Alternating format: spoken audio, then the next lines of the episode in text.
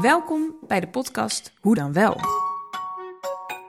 Mijn naam is Suzanne Dodeman en samen met Johannes van den Akker ben ik Firma Hoe dan wel. In onze firma helpen we mensen en organisaties met idealen om hun plannen echt te verwezenlijken. Hoe dan wel? We helpen mensen bij het zetten van concrete stappen in de goede richting. Soms is er alleen nog het idee of het ideaal en gaat het erom die eerste stap te gaan zetten. Maar vaak ook worden we gevraagd bij bestaande initiatieven. Hoe kunnen we het anders doen? Hoe bereiken we meer impact of krijgen we meer verdiensten? Kunnen we groeien? In deze aflevering nemen we je mee naar Bodegraven, waar een enthousiaste groep mensen biologisch en duurzaam groente kweekt voor de lokale markt. Nu draaien ze vooral op vrijwilligers en subsidie, maar in de toekomst hopen ze er een sociale onderneming van te kunnen maken.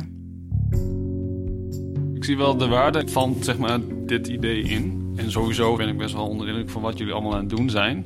Uh, tegelijk zit daar ook wel zeg maar, direct mijn vraag naar wat is nu uiteindelijk de core business?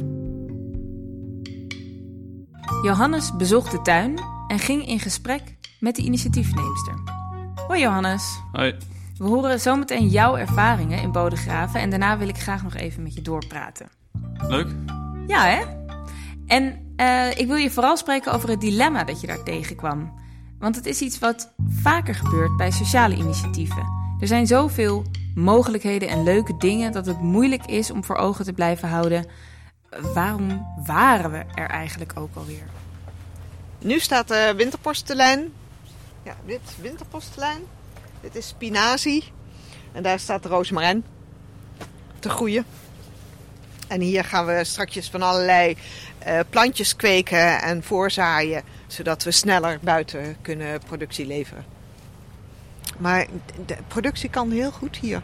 Ja, kost alleen heel veel werk. Esther van der Boor stond aan de wieg van deze pluk- en oogsttuin. Die is omgedoopt tot Hortus Populus, de tuin van het volk. Hier is de eerste kruidentuin en er is ontzettend veel afgekomen. Aloe vera en uh, calendula en uh, heen. Drie jaar geleden kreeg de Hortus twee hectare grond van de gemeente Bodegraven. Plus zeven jaar de tijd om zich daar te bewijzen. De hoop is dat de gemeente na die zeven jaar een ander stuk grond ter beschikking stelt, waar de Hortus zich kan vestigen. Afgelopen drie jaar hebben Esther en vele andere vrijwilligers hard aan de weg getimmerd om de tuin op te bouwen.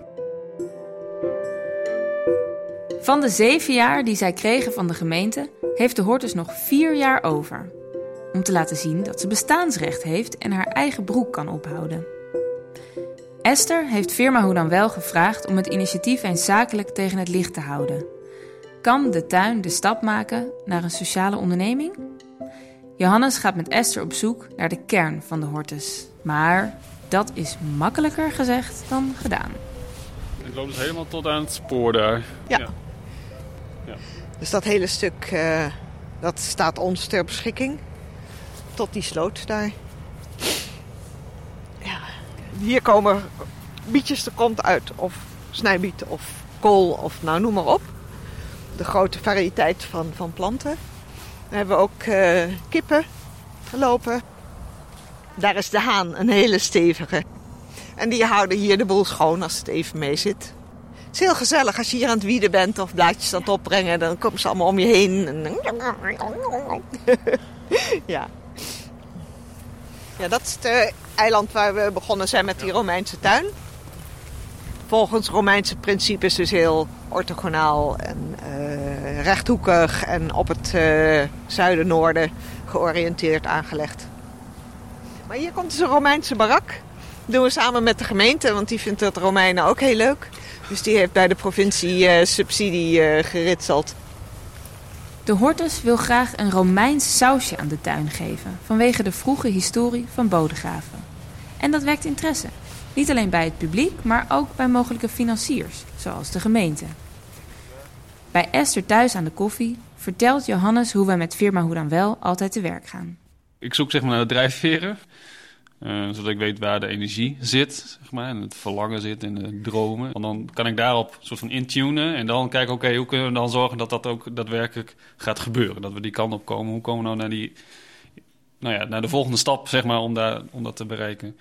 En daarna is het vooral probeer je op allerlei vragen te stellen om begrip te krijgen op waar hebben we nou over. Daarom al die getallen over capaciteit en geld. En niet omdat ik dat allemaal geld per se belangrijk vind, maar wil je dit gezond krijgen en wil je dat dit een goed voorbeeld wordt, dan moet het gewoon rendabel zijn. Dus, nou, en dan heb je een soort van het grote plaatje van het, het ideaal waar je aan wil werken. En je hebt een soort van de werkelijkheid van de cijfers. En dan is het oké, hoe zorgen we nou dat die cijfers inderdaad een goede basis zijn om weer bij het ideaal te komen.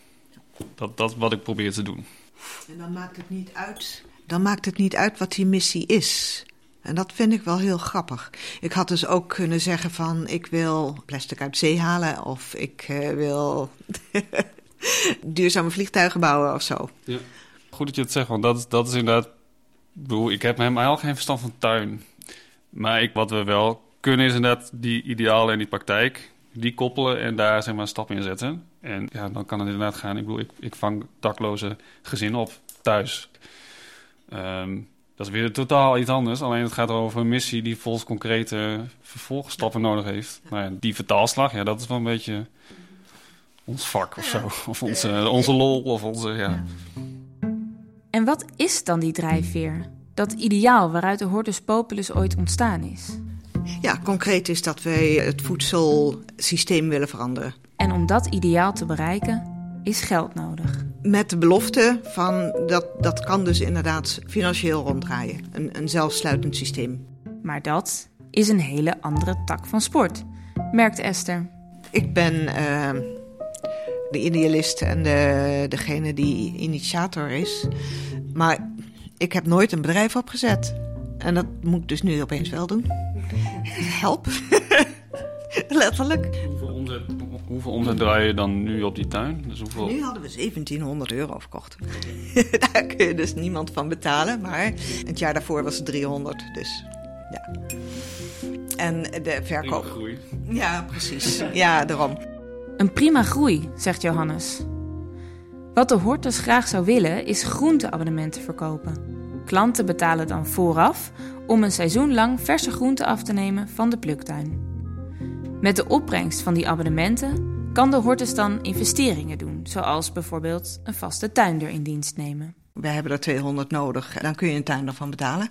Of dat gaat lukken. En hoeveel, hoeveel uur is die tuinder in dienst? Is hij in dienst of hoe, hoe is die Ja, constructie? nee, het, het is een gepensioneerde man. Dus niet helemaal geschikt om moderne moestuin te doen. Dus vanaf volgend jaar nemen we iemand in dienst die dat stuk kennis kan inbouwen. Daarnaast zijn we in zee gestapt met mensen die community farming online hebben opgezet. Nou, zij zijn IT'ers die heel veel verstand hebben van big data, algoritme, al dat soort grootschalige dataverwerking. En die wilden met hun kennis iets bijzonders doen. Zij zijn voor ons een kennissysteem aan het opbouwen waarmee je uiteindelijk kunt kiezen als leek, als ervaren tuinder. Ik heb hier een stukje grond. Wat kan daarin? En dan komt er dus uit. hé, dan moet je zoveel menskracht inzetten. Plus je moet je afzet gaan organiseren. Want over twee weken zijn die uh, cola of dat uh, sla is klaar. En iedereen hier in het dorp krijgt dan gratis zo'n app. En die kan zien van wanneer er waar iets te kopen is. Waarom zijn jullie daar ook mee bezig? Omdat het opzetten van een lokale markt super ingewikkeld is. En we hebben wel een paar mensen die kennis van tuinieren hebben. Maar die zijn ook aan het timmeren. Dus die zijn niet constant op die tuin. Dus het elkaar informeren van hoe je groenten op een hoge kwaliteit uit de grond krijgt, is heel erg ingewikkeld. Mm. En er zijn steeds meer mensen die dat überhaupt niet kunnen of kennen. En die willen toch dat doen. Die app van Community Farming Online is niet de enige hulp die de Hortus heeft ingeroepen. Esther heeft ook bij de gemeente aangeklopt als arbeidsvoorzieningsplek.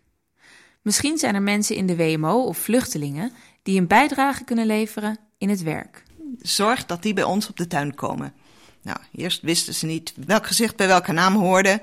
Dus we kregen af en toe een vluchteling, maar niet structureel. En we zijn nu opnieuw aan het praten met de gemeente. Maar een arbeidslocatie betekent ook dat we daar extra kosten aan hebben. En dat de gemeente daar dus bij moet dragen financieel. Dan heb je en handen en je krijgt een klein geldstroompje. Ik zie, wel, ik zie wel de waarde van zeg maar, dit idee in. En sowieso zeg maar, ben ik best wel onder de indruk van wat jullie allemaal aan het doen zijn. Uh, tegelijkertijd daar ook wel zeg direct mijn vraag: oké, van maar wat is nu uiteindelijk een soort van de core business? Dus uiteindelijk ga je een tuiner aannemen die komend jaar daar gaat werken. En het idee is dat die tuin rendabel gaat zijn. Dus er moet blijkbaar wat die man kost, of vrouw kost, moet, neem ik aan, zeg maar, verdiend worden met de verkoop van de groenten.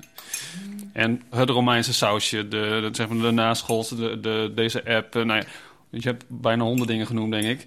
Die allemaal bijdragen aan het soort van het grotere geheel. Dus wel aan het grotere ideaal. Alleen, ik zou wel willen, willen kijken van waar is nu uiteindelijk voor jullie de kern. En waar, als we zoveel mogelijk mogen wegstrepen, ja? wat blijft dan in kern over? In kern over blijft dat je lokaal ecologisch groente teelt en die rendabel afzet in een lokale markt. Hele korte ketens, bodem tot bord. Als dat de kern is, zeg maar, dan, dan moeten we zorgen dat dat plaatje klopt. Ja.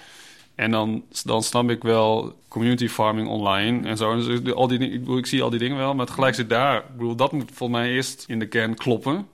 Je neemt de tuinen aan, je moet produceren voor de verkoop...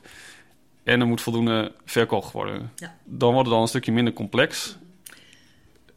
Um, ja, maar om die verkoop te organiseren, is het heel handig om zo'n organisatieschema te hebben. Want dan weet je wanneer je die markt moet kietelen. Dat snap ik. Alleen is die, in principe zouden de tuinen dat zelf ook moeten kunnen weten. Kijk, ik zou een potentiële klant kunnen zijn als ik hier in Bodegraven zou wonen. En dan heb ik niet zoveel hoef ik niet te weten zeg maar, wanneer dat zaadje de grond in gaat of wanneer, uh, wanneer die. Uh, dat, dat, hele traject is allemaal interessant, maar niet voor mij. Ik wil alleen maar weten, ik wil nu sla hebben, kan ik nu mijn sla krijgen? Zeg maar. Dat is het enige wat ik wil. Ja. Dus er wordt heel veel uh, aan de achterkant georganiseerd die niet voor die sales of voor die markt direct, zeg maar, volgens mij relevant is. Maar de achterkant moet heel groot zijn om dat simpele doel te bereiken. Als wij onze groenten aan de lokale bevolking willen verkopen, mhm. moeten zij weten dat we er zijn. Mhm. Moeten ze weten waarom we er zijn. Mhm. Moeten ze weten waar ze wat kunnen krijgen en voor welke prijs. Klopt. Dus je moet zichtbaar zijn. Ja. En die zichtbaarheid. Dat, dat, haal je niet met die app. Het is niet om vervelend te doen hoor. Ik, ik probeer gewoon zeg maar uh, te kijken waar, waar, het, waar het in zit. Kijk, uiteindelijk denk ik uh, maar goed, dat is nog heel snel, een hele snelle soort van reactie. Ik bedoel, dat is nog wat te vroeg. Maar er moet eigenlijk gewoon uh, sales en marketing komen voor die tuin. En, en er moet zeg maar een, uh, gekeken worden wie bijvoorbeeld de, als groenteabonnementen de route wordt of weet ik veel wat. Dan moet daarop verkocht gaan worden en eigenlijk nu al. Johannes komt een beetje streng over.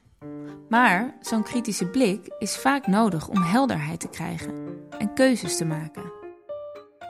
In het gesprek is het lastig om uit te komen op realistische cijfers en vervolgstappen. Om de tuin zo te laten renderen dat ze komend jaar een professionele tuinder in kunnen huren.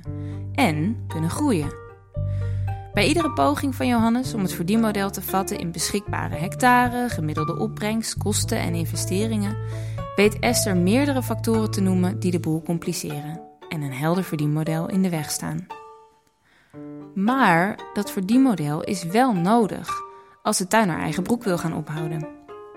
Om dat voor elkaar te krijgen moeten drastische keuzes worden gemaakt.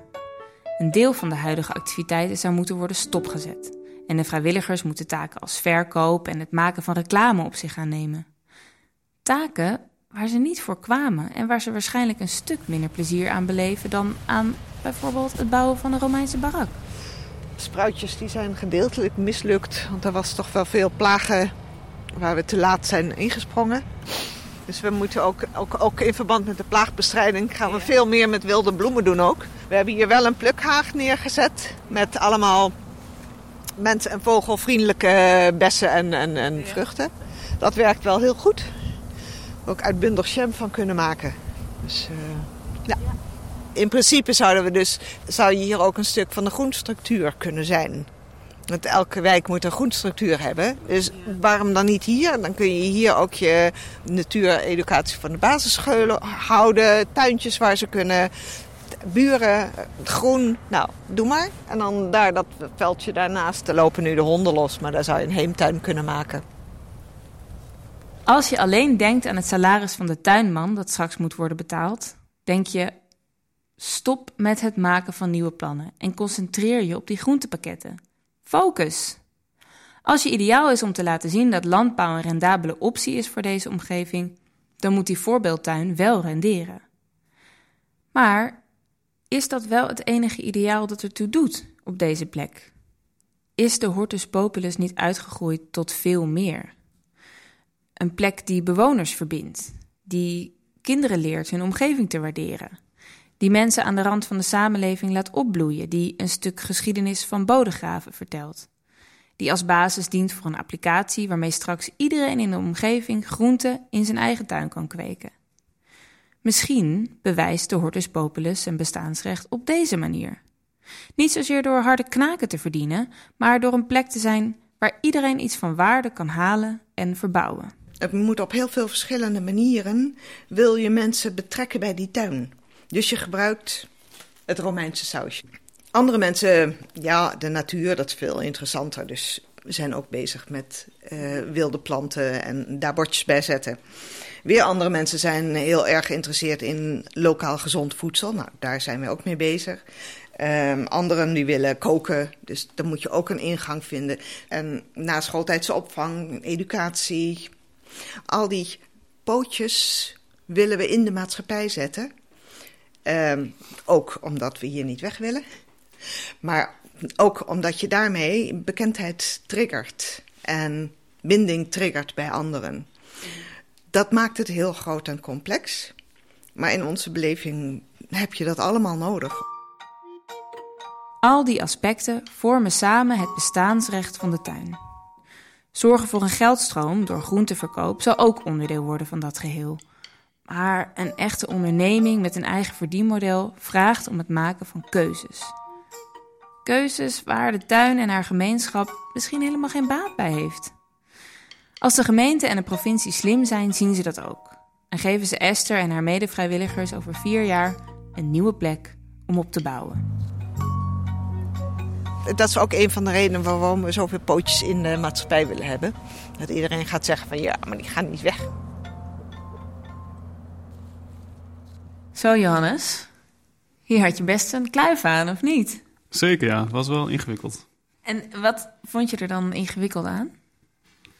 Nou ja, aan de ene kant gewoon een, een project zien en een mevrouw zien die zeg maar, met hart en ziel zich daarin stort en vol voor de idealen gaat. En daar allemaal mensen bij betrekt die ook ergens iets of een onderdeeltje tof vinden. Dat vind ik gewoon super tof om te zien. En tegelijk zoeken naar, ja, je wil geld verdienen en uh, dat, dat gesprek naar het geld toesturen was eigenlijk gewoon heel lastig. Ja, dat hoor ik je ook heel erg doen.